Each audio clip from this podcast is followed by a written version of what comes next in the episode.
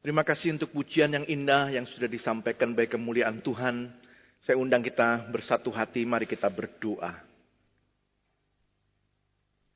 Sungguh ya Tuhan, Engkaulah segalanya yang kami perlu. Engkau adalah Tuhan, pencipta langit bumi, yang menciptakan kami, menopang kehidupan kami, memelihara kami. Dan di dalam anugerahmu hari ini Tuhan kau mengundang kami datang beribadah. Kami boleh memuji nama Tuhan, berdoa di hadapan Tuhan. Dan sekarang ya Tuhan kami rindu dijamah oleh kebenaran firman-Mu. Engkau yang kenal kami pribadi lepas pribadi, biarlah engkau yang akan berbicara kepada kami. Dan tolonglah hambamu yang lemah dan terbatas ini ya Tuhan. Supaya dia boleh menjadi alat kemuliaan Tuhan yang mendatangkan berkat bagi jemaatmu. Demikian kami berdoa di dalam nama Tuhan Yesus Kristus, Juru Selamat kami yang hidup. Amin.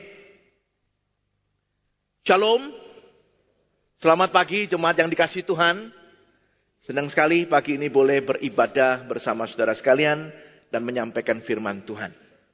Sebelum kita mendengar kebenaran firman Tuhan diuraikan, firman Tuhan akan dibacakan bagi kita sekalian. Bacaan kita hari ini terambil dari Matius 13 ayat 44 sampai 46 yang berbunyi demikian. Perumpamaan tentang harta terpendam dan mutiara yang berharga. Kerajaan surga itu seumpama harta yang terpendam di ladang yang ditemukan orang lalu dipendamnya lagi. Oleh sebab sukacitanya pergilah ia menjual seluruh miliknya lalu membeli ladang itu. Demikian pula kerajaan surga itu seumpama seorang pedagang yang mencari mutiara-mutiara yang indah. Setelah ditemukannya satu yang sangat berharga, ia pun pergi menjual seluruh miliknya, lalu membeli mutiara itu. Demikian jauh pembacaan firman Tuhan berbahagia setiap kita yang telah memperhatikannya dan memeliharanya dalam kehidupan kita. Saudara, Injil Matius berisi lima paket pengajaran Tuhan Yesus di dalamnya. Matius ingin menampilkan Yesus sebagai the new Moses. Musa yang kembali muncul mengajar dari atas bukit. Itu sebabnya kita melihat di dalam lima paket pengajaran itu dimulai dengan paket pengajaran yang pertama yang biasa dikenal dengan nama khotbah di bukit. Matius pasal 5 sampai yang ketujuh.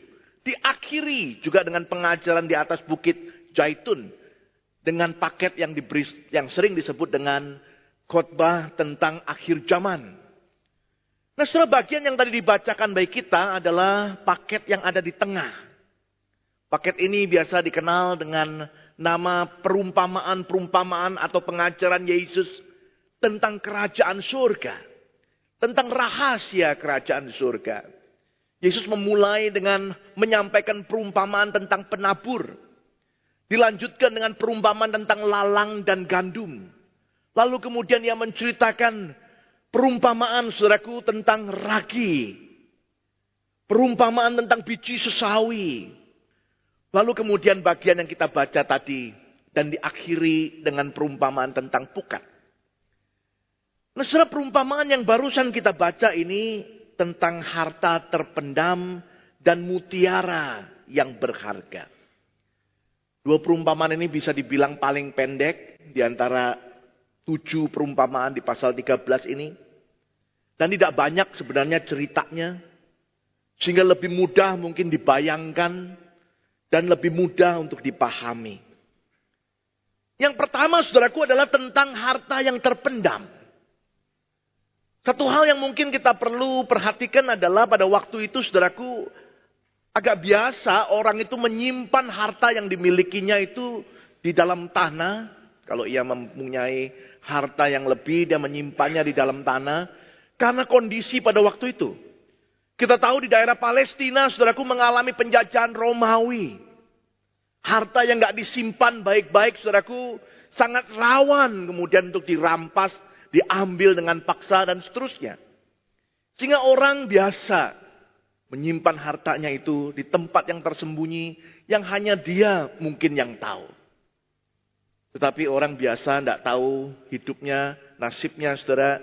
dia kemudian mungkin lupa, mungkin juga dia kemudian meninggal, kemudian dia mungkin ditangkap, dia kemudian mungkin mengalami hal-hal yang lain.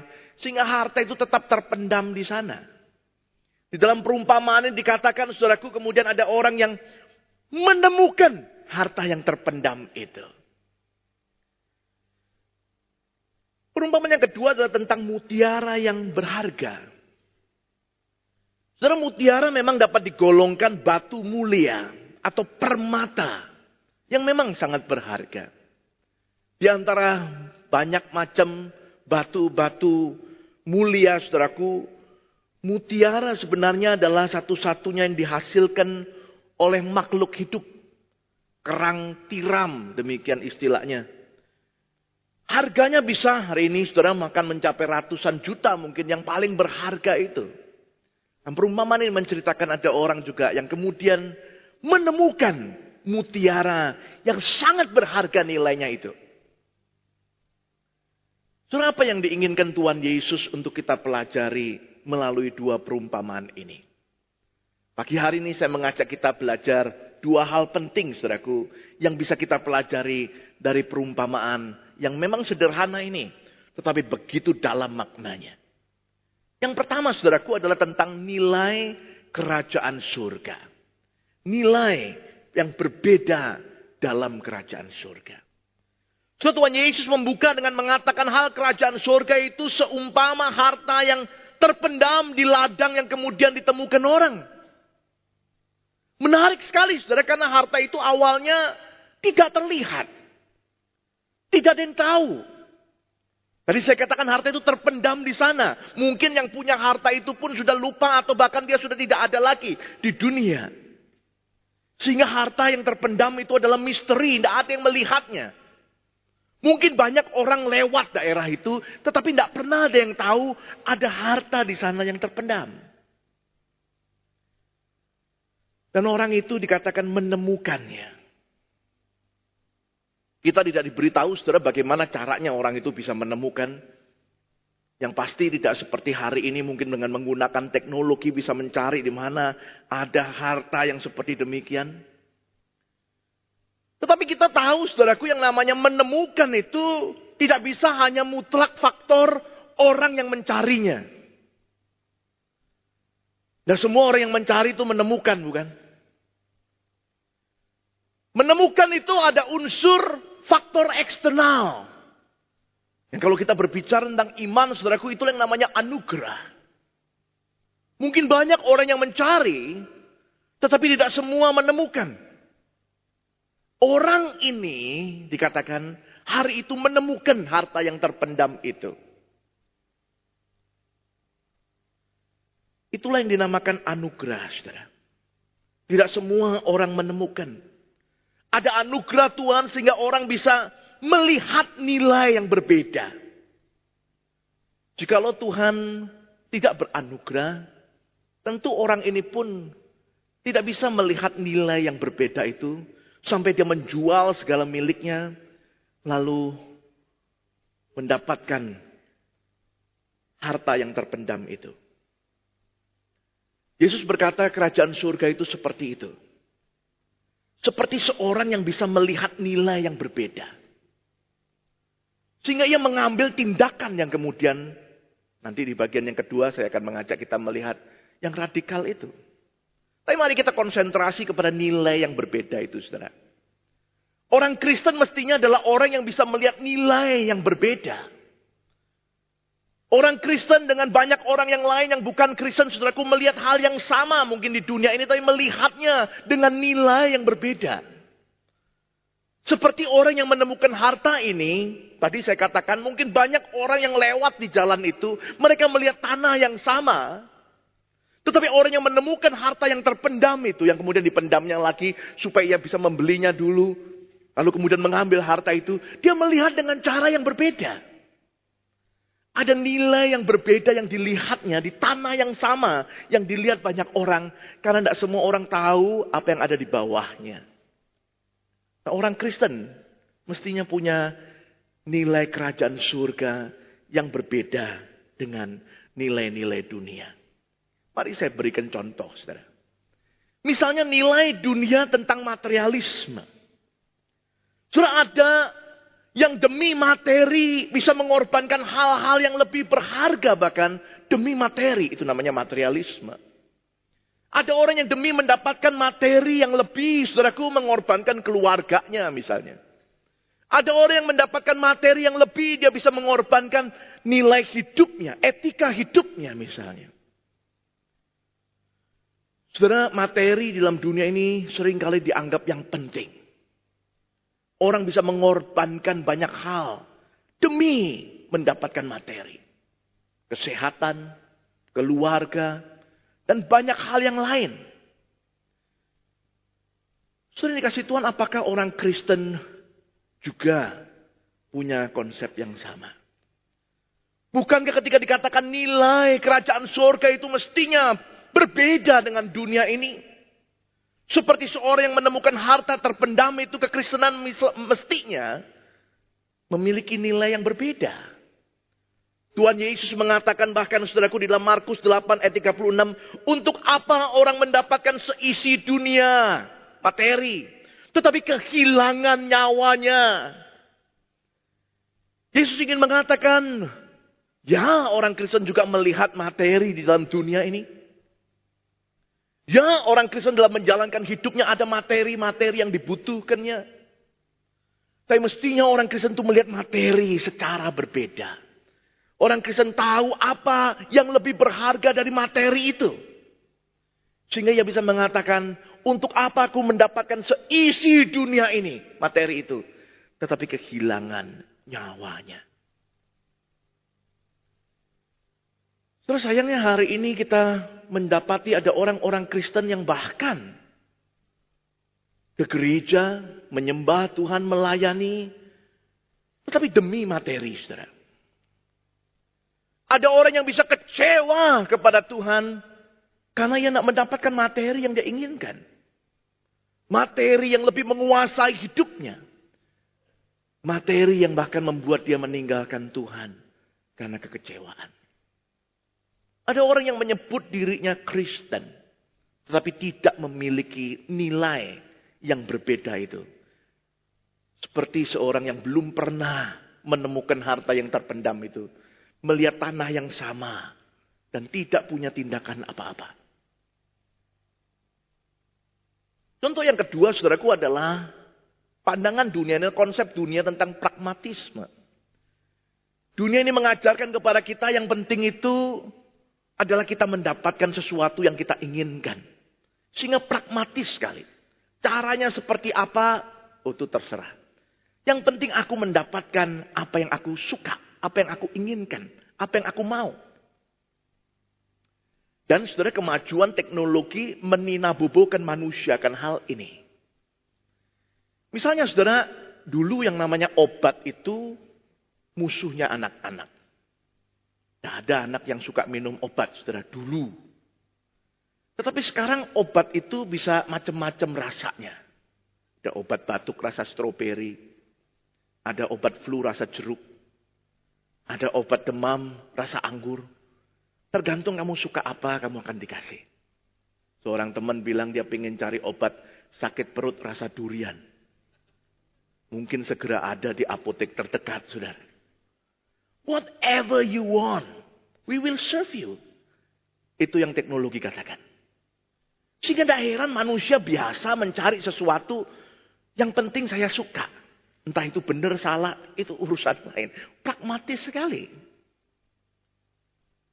Terus bahkan ada orang-orang yang menyebut dirinya Kristen dan pragmatis. Bahkan ketika mencari gereja pun dia mencari dengan cara pragmatis. Kenapa kamu di gereja ini, nggak di gereja itu? Kenapa di gereja yang itu, nggak di gereja yang ini? Dia bilang, karena saya senang di sana. Saya mencari gereja yang menyenangkan saya. Saya pakai istilah rohani, saya bertumbuh. Saya tanya bertumbuh itu apa? Bertumbuh itu saya sukanya lagu-lagunya.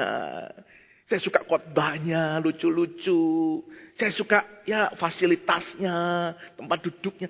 Saya suka yang nyaman buat saya. Pragmatis. Saya tanya bagaimana dengan ajarannya? Apakah sungguh ajarannya dari firman Tuhan? Oh itu saya nggak terlalu tahu ya. Pragmatis, saudara. Kita menjadi sama dengan dunia ini yang lebih mengedepankan pragmatisme. Kita tidak melihat nilai yang berbeda yang mestinya dimiliki oleh setiap orang yang adalah anggota kerajaan surga itu. Contoh satu lagi, dunia ini memandang dengan nilai egoisme, saudara. Egoisme. Orang lebih mementingkan dirinya. Yang utama adalah dirinya.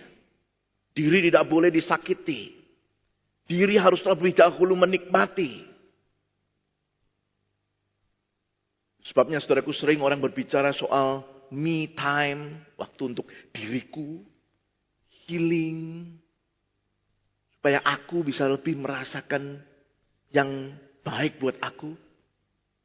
Dunia ini memikirkan tentang, pikirkan tentang apa yang menjadi hobimu, apa yang menjadi kesukaanmu. Lakukan itu. Saudara pusatnya adalah diri. Padahal kita tahu nilai kerajaan surga itu diteladankan sendiri oleh Kristus. Setiap hari saudaraku kita datang beribadah, kita menyembah Tuhan yang memberikan dirinya. Sebagai tebusan banyak orang. Kita tiap minggu datang beribadah menyembah Kristus yang berkata aku datang ke dalam dunia untuk melayani, bukan untuk dilayani. Tetapi semangat kita, kita akan tersinggung ketika kita nggak dilayani. Dan kita nggak merasa bersalah ketika kita nggak melayani. Allah yang kita sembah mungkin namanya sama Kristus. Tetapi kelihatannya punya sifat yang berbeda. Karena kita nggak pernah didorong untuk menjadi seperti dia. Sudah hal kerajaan surga itu mengubahkan cara orang melihat dunia. Mengapa ada orang yang sudah Kristen, sudah ke gereja, tapi masih memiliki pandangan dan nilai yang sama dengan dunia?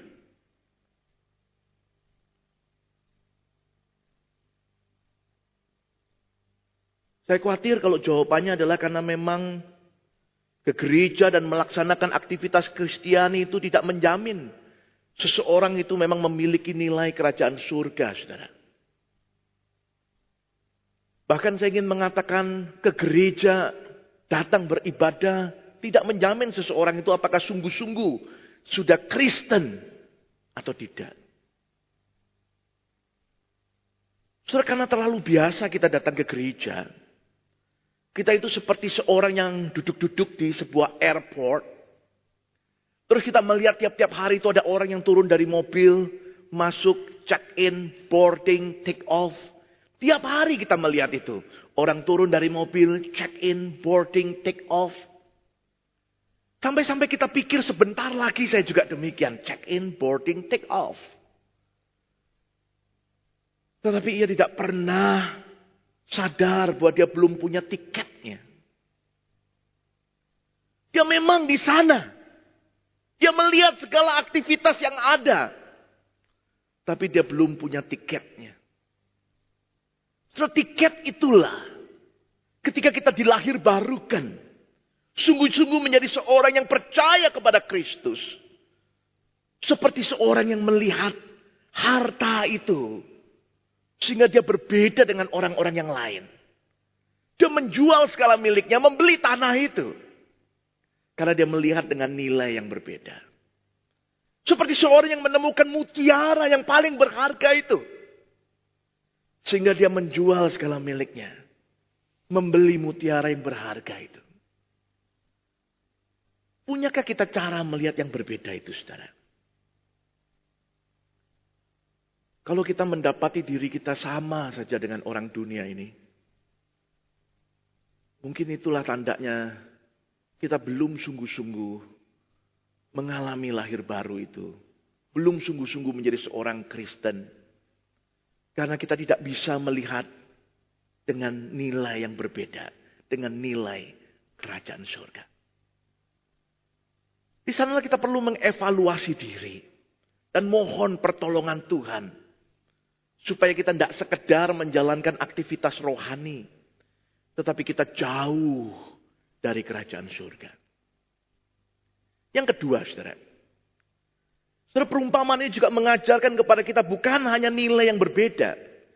Tetapi juga ada respons yang radikal bagi kerajaan surga. Saudara, orang yang menemukan harta terpendam itu memendam harta itu lagi. Untuk apa, saudara? Supaya ia bisa menjual seluruh miliknya lalu membeli ladang itu. Saudara memang dia menemukannya tadi saya katakan karena anugerah. Tetapi anugerah itu selalu menuntut respons. Kita sering berkata, saudaraku, anugerah itu tanpa syarat, Pak. Bukan karena kekayaan saya, bukan karena kebaikan saya, bukan karena kepandian saya. Yes, amin. Tetapi anugerah tidak pernah tanpa pertanggungjawaban. Anugerah selalu menuntut pertanggungjawaban kepada setiap orang yang kepadanya diberikan anugerah itu. Orang ini diberi anugerah, dia menemukan harta yang terpendam itu. So, dia harus mempertanggungjawabkannya dan dia melakukan tindakan yang radikal itu. Menjual segala miliknya, membeli ladang itu. Demikian juga orang yang menemukan mutiara yang berharga itu. Dia menemukan mutiara yang sangat berharga. Dia menjual seluruh miliknya, membeli mutiara itu. Saya membayangkan matanya berbinar-binar saudaraku waktu menjual segala miliknya. Mungkin istrinya, tetangganya tanya, kenapa pak, kenapa pak? Dengan mata yang berbinar-binar dia mengatakan aku harus menjual segala milikku ini. Why? Tindakanmu begitu radikal. Mengapa menjual segala milikmu? Dia berkata nanti, nanti aku akan cerita lebih banyak. Tetapi aku harus melakukannya. Aku harus menjualnya. Radikal. Karena dia melihat dengan berbeda. Dan dia merespons anugerah itu dengan pertanggungjawaban. Saudara, saya harap kita tidak membalik prosesnya. Lihat saudara matanya itu berbinar-binar dulu. Baru dia menjual segala miliknya. Jangan dibalik. Bukan dia menjual dulu, lalu dia berbinar-binar. No. Ini konsep penting, saudara. Banyak orang berpikir saya harus berbuat sesuatu bagi Tuhan dulu. Supaya aku berbinar-binar. Supaya aku punya sukacita. Orang berkorban, orang melayani. Ujungnya banyak kekecewaan, saudara. Dia merasa aku sudah berbuat sesuatu bagi Tuhan. Seperti pertanyaan murid-murid Tuhan Yesus mengatakan, aku sudah menjual segala sesuatu, mengikut engkau, apa yang aku dapatkan? Ada orang yang bilang, aku sudah melayani engkau puluhan tahun ya Tuhan. Apa yang aku dapatkan? Aku sudah mengikut engkau begitu setia, memberikan persembahan demikian rupa. Apa yang aku dapatkan? Ceritanya di sini nggak begitu. Ceritanya di sini bukan orang-orang ini menjual segala miliknya dulu, lalu dia mendapatkan sukacita. No. Tapi dia punya sukacita yang besar. Dia melihat harta yang berharga, lalu dia menjual segala miliknya. Itu hidup Kristen. Itu orang yang hidup dalam nilai kerajaan surga. Orang sampai heran, kenapa kamu kok mau melakukan itu? Karena aku menemukan harta yang berharga itu. Orang Kristen bukan mencari sukacita. Sukacita itu dianugerahkan. Dan sukacitalah itu yang membakar hatinya melakukan segala hal yang lain. Karena sukacita itulah dia melayani. Karena sukacita itulah dia memberikan persembahan. Karena sukacita itulah dia berkorban. Dan dia tidak pernah menuntut apa-apa untuk menjadi balasannya. Karena ia sudah menerima down paymentnya itu lunas dibayar. Sukacita itu sudah ada dalam hidup kita. Dan mestinya itulah yang mendorong kita melakukan tindakan-tindakan radikal sebagai seorang anak Tuhan. Ketika Tuhan Yesus berkata kepada Sakeus, Sakeus, hari ini juga aku akan tinggal di rumahmu. Setelah itulah momen paling berharga dalam hidup Sakeus. Sukacita yang begitu besar ia rasakan sehingga ia mengatakan Tuhan, separuh milikku aku bagikan kepada orang miskin. Jikalau ada orang yang pernah aku peras, Aku ganti empat kali lipat. Orang heran. Wow, radikal sekali. Apa yang dia dapatkan? Sakyus akan mengatakan, aku sudah mendapatkannya. Yesus berkata, aku malam ini akan tinggal di rumahmu. Sukacita itulah yang mendorong dia melakukan tindakan-tindakannya. Rasul Paulus mengatakan dalam Filipi pasal yang ketiga ayat yang ke-8. Apalagi yang aku mau. Segala sesuatu yang dulu adalah kebanggaan bagiku aku anggap sampah. Karena pengenalanku akan Kristus. Ada yang berharga itu. Yang memunculkan sukacita. Sehingga aku berani. Kalau kita bertanya, kenapa ya?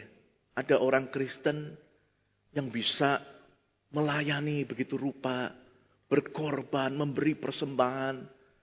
Tapi ada yang sulit sekali. Jelas saudara, karena dia belum pernah mengalami yang berharga itu. Mungkin dia kenal-kenal nama Tuhan Yesus, mungkin dia dengar-dengar tentang Injil, tapi tidak pernah mengubah hidupnya. Sukacita itu nggak pernah terjadi. Itu sebabnya dia nggak pernah bermaksud melakukan yang radikal itu. Bahkan dia nggak ngerti kenapa ya temanku ini kok memberi persembahan begitu berani. Mengapa dia berani sekali melayani? Mengapa dia memberikan pengorbanan demikian rupa? Dia dapat apa sih? Aku coba, aku juga tiru-tiru dia. Siapa tahu aku dapat sesuatu. Nggak bisa saudara. Dia kecewa, dia undur, dia lari dari Tuhan. Ujungnya. Tapi seorang yang mendapatkan harta yang terpendam itu, dia melakukannya bukan untuk mendapat sesuatu, tapi karena ia sudah mendapatkannya.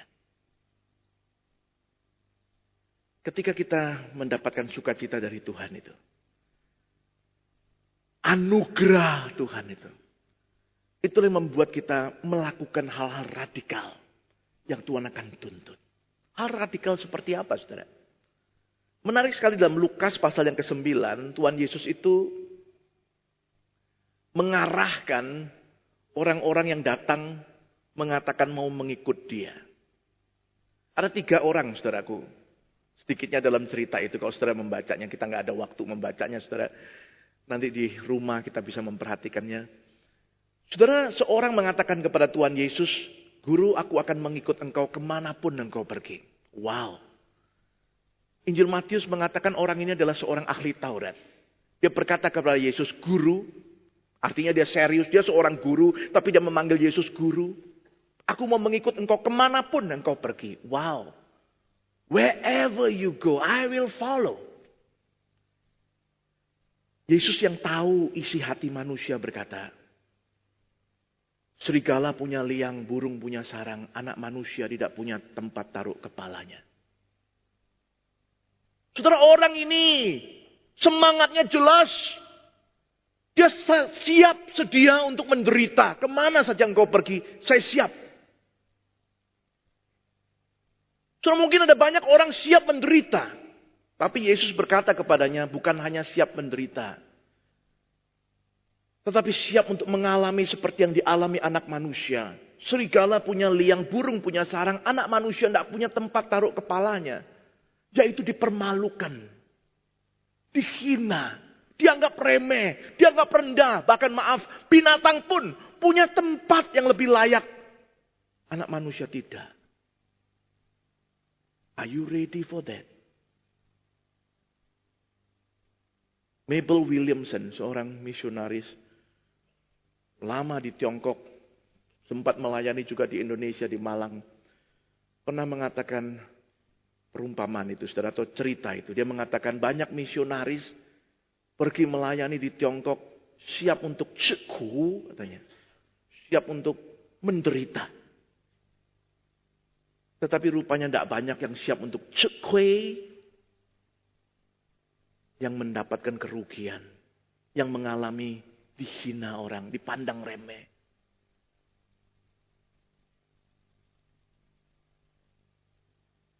Saudara, radikal itu artinya bahkan kita tidak mementingkan lagi apa yang kita dulu anggap berharga itu. Dia mengorbankan, meneladani Kristus yang bahkan mengorbankan dirinya. Mengambil rupa seorang hamba bahkan mati di kayu salib supaya saudara dan saya yang berdosa boleh menerima keselamatan. Setelah Yesus mengatakan kalimat itu, ada orang lain lagi, saudaraku.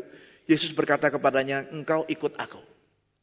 Orang itu berkata, ya Tuhan aku akan ikut engkau. Tapi izinkan aku memakamkan atau menguburkan papaku dulu, katanya. Setelah Yesus berkata, biarlah yang mati menguburkan yang mati. Orang sering salah paham, kok Tuhan Yesus gak peduli dengan orang tua.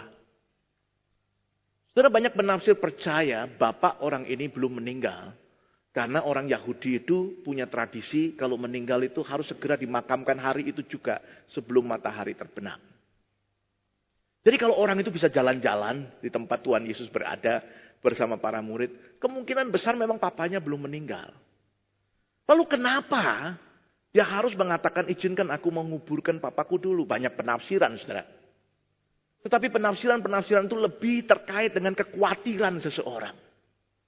Mungkin dia khawatir kalau papanya meninggal dia nggak sempat dapat warisannya. Mungkin.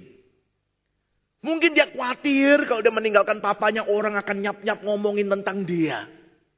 Mungkin. Tetapi orang ini punya begitu banyak kekhawatiran sehingga mengatakan kepada Tuhan Yesus, boleh nggak izinkan aku dulu memakamkan, menunggu sampai papaku sudah usia tertentu sampai kemudian dia meninggal, boleh nggak aku menunda? Seradikal itu artinya kita tahu panggilan Tuhan, kita tahu apa yang Tuhan mau. Yesus berkata, biarlah yang mati menguburkan yang mati, tetapi engkau beritakanlah kerajaan surga. Apa yang utama hari ini? Apa yang tidak bisa menunggu hari ini? Yaitu ketika Tuhan memanggilmu. Yaitu ketika Tuhan meminta engkau melakukan sesuatu. Don't postpone. Jangan menunda. Karena Tuhan lebih tahu kapan batas waktu kita itu expired.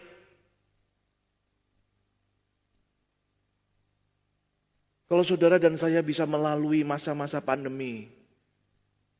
Dan hari ini kita boleh masuk di tahun 2024. Itu karena Tuhan memberikan kepada kita kesempatan. Tuhanlah yang paling tahu kapan kesempatan itu akan berakhir. Sehingga ketika dia meminta, ketika dia berbicara, ketika dia menggerakkan saudara, don't wait. Seperti seorang yang menemukan mutiara, harta yang terpendam. Dia menjual segala miliknya. Mengikut Yesus. Lalu Tuhan Yesus jalan lagi. Kali ini ada orang yang datang lagi. Mengatakan Tuhan, aku mau ikut engkau. Saudara orang ini tentu saja sudah dengar dua orang yang lain tadi. Tapi dia tetap mau mengikut Yesus. Kemudian dia berkata, tapi izinkan aku pamitan. Oh kali ini kan lebih gampang, tidak tunggu papa. Tapi pamitan. Say goodbye, farewell. Yesus berkata, seorang yang membajak, tetapi menoleh ke belakang dia tidak layak bagi kerajaan surga. Surah apa maksud Tuhan Yesus? Pamitan itu bisa menunjukkan ada rencana, itu kata penafsir. Ada agenda. Dia pamitan, dia mau titip-titip sama temennya.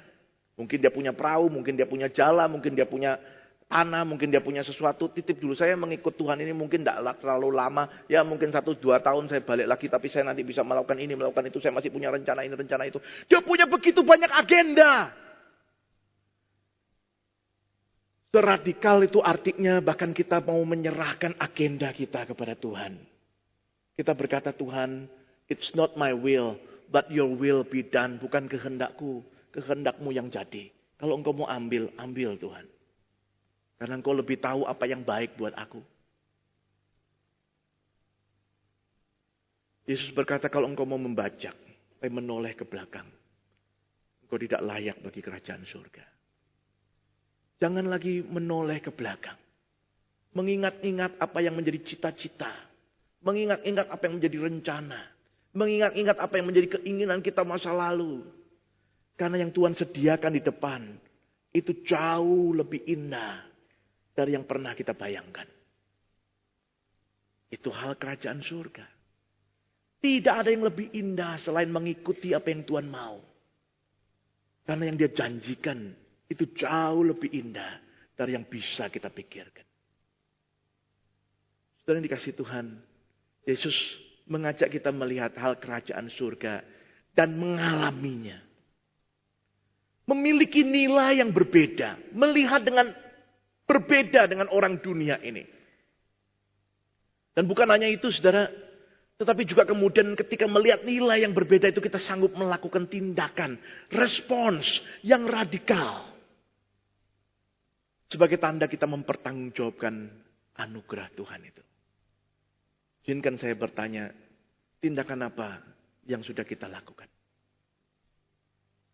Sebentar lagi kita akan diundang semeja dengan Tuhan. Supaya kita diingatkan lagi tentang begitu berharganya harta yang Tuhan telah percayakan kepada kita.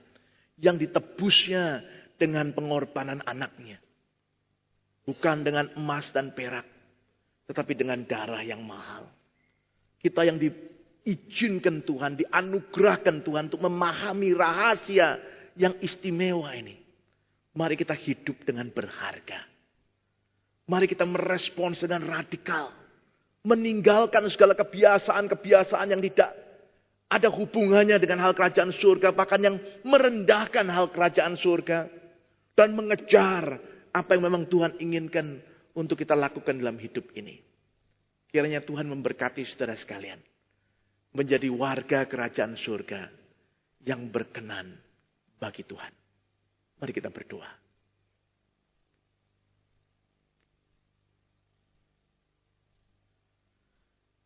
Bapak dalam surga,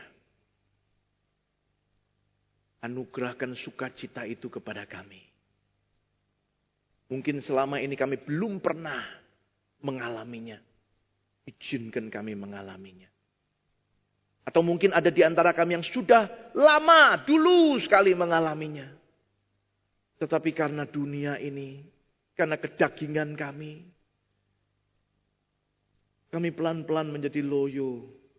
Tidak lagi seperti dulu. Ampuni kami Tuhan. Bila firman ini mengingatkan kami sekali lagi.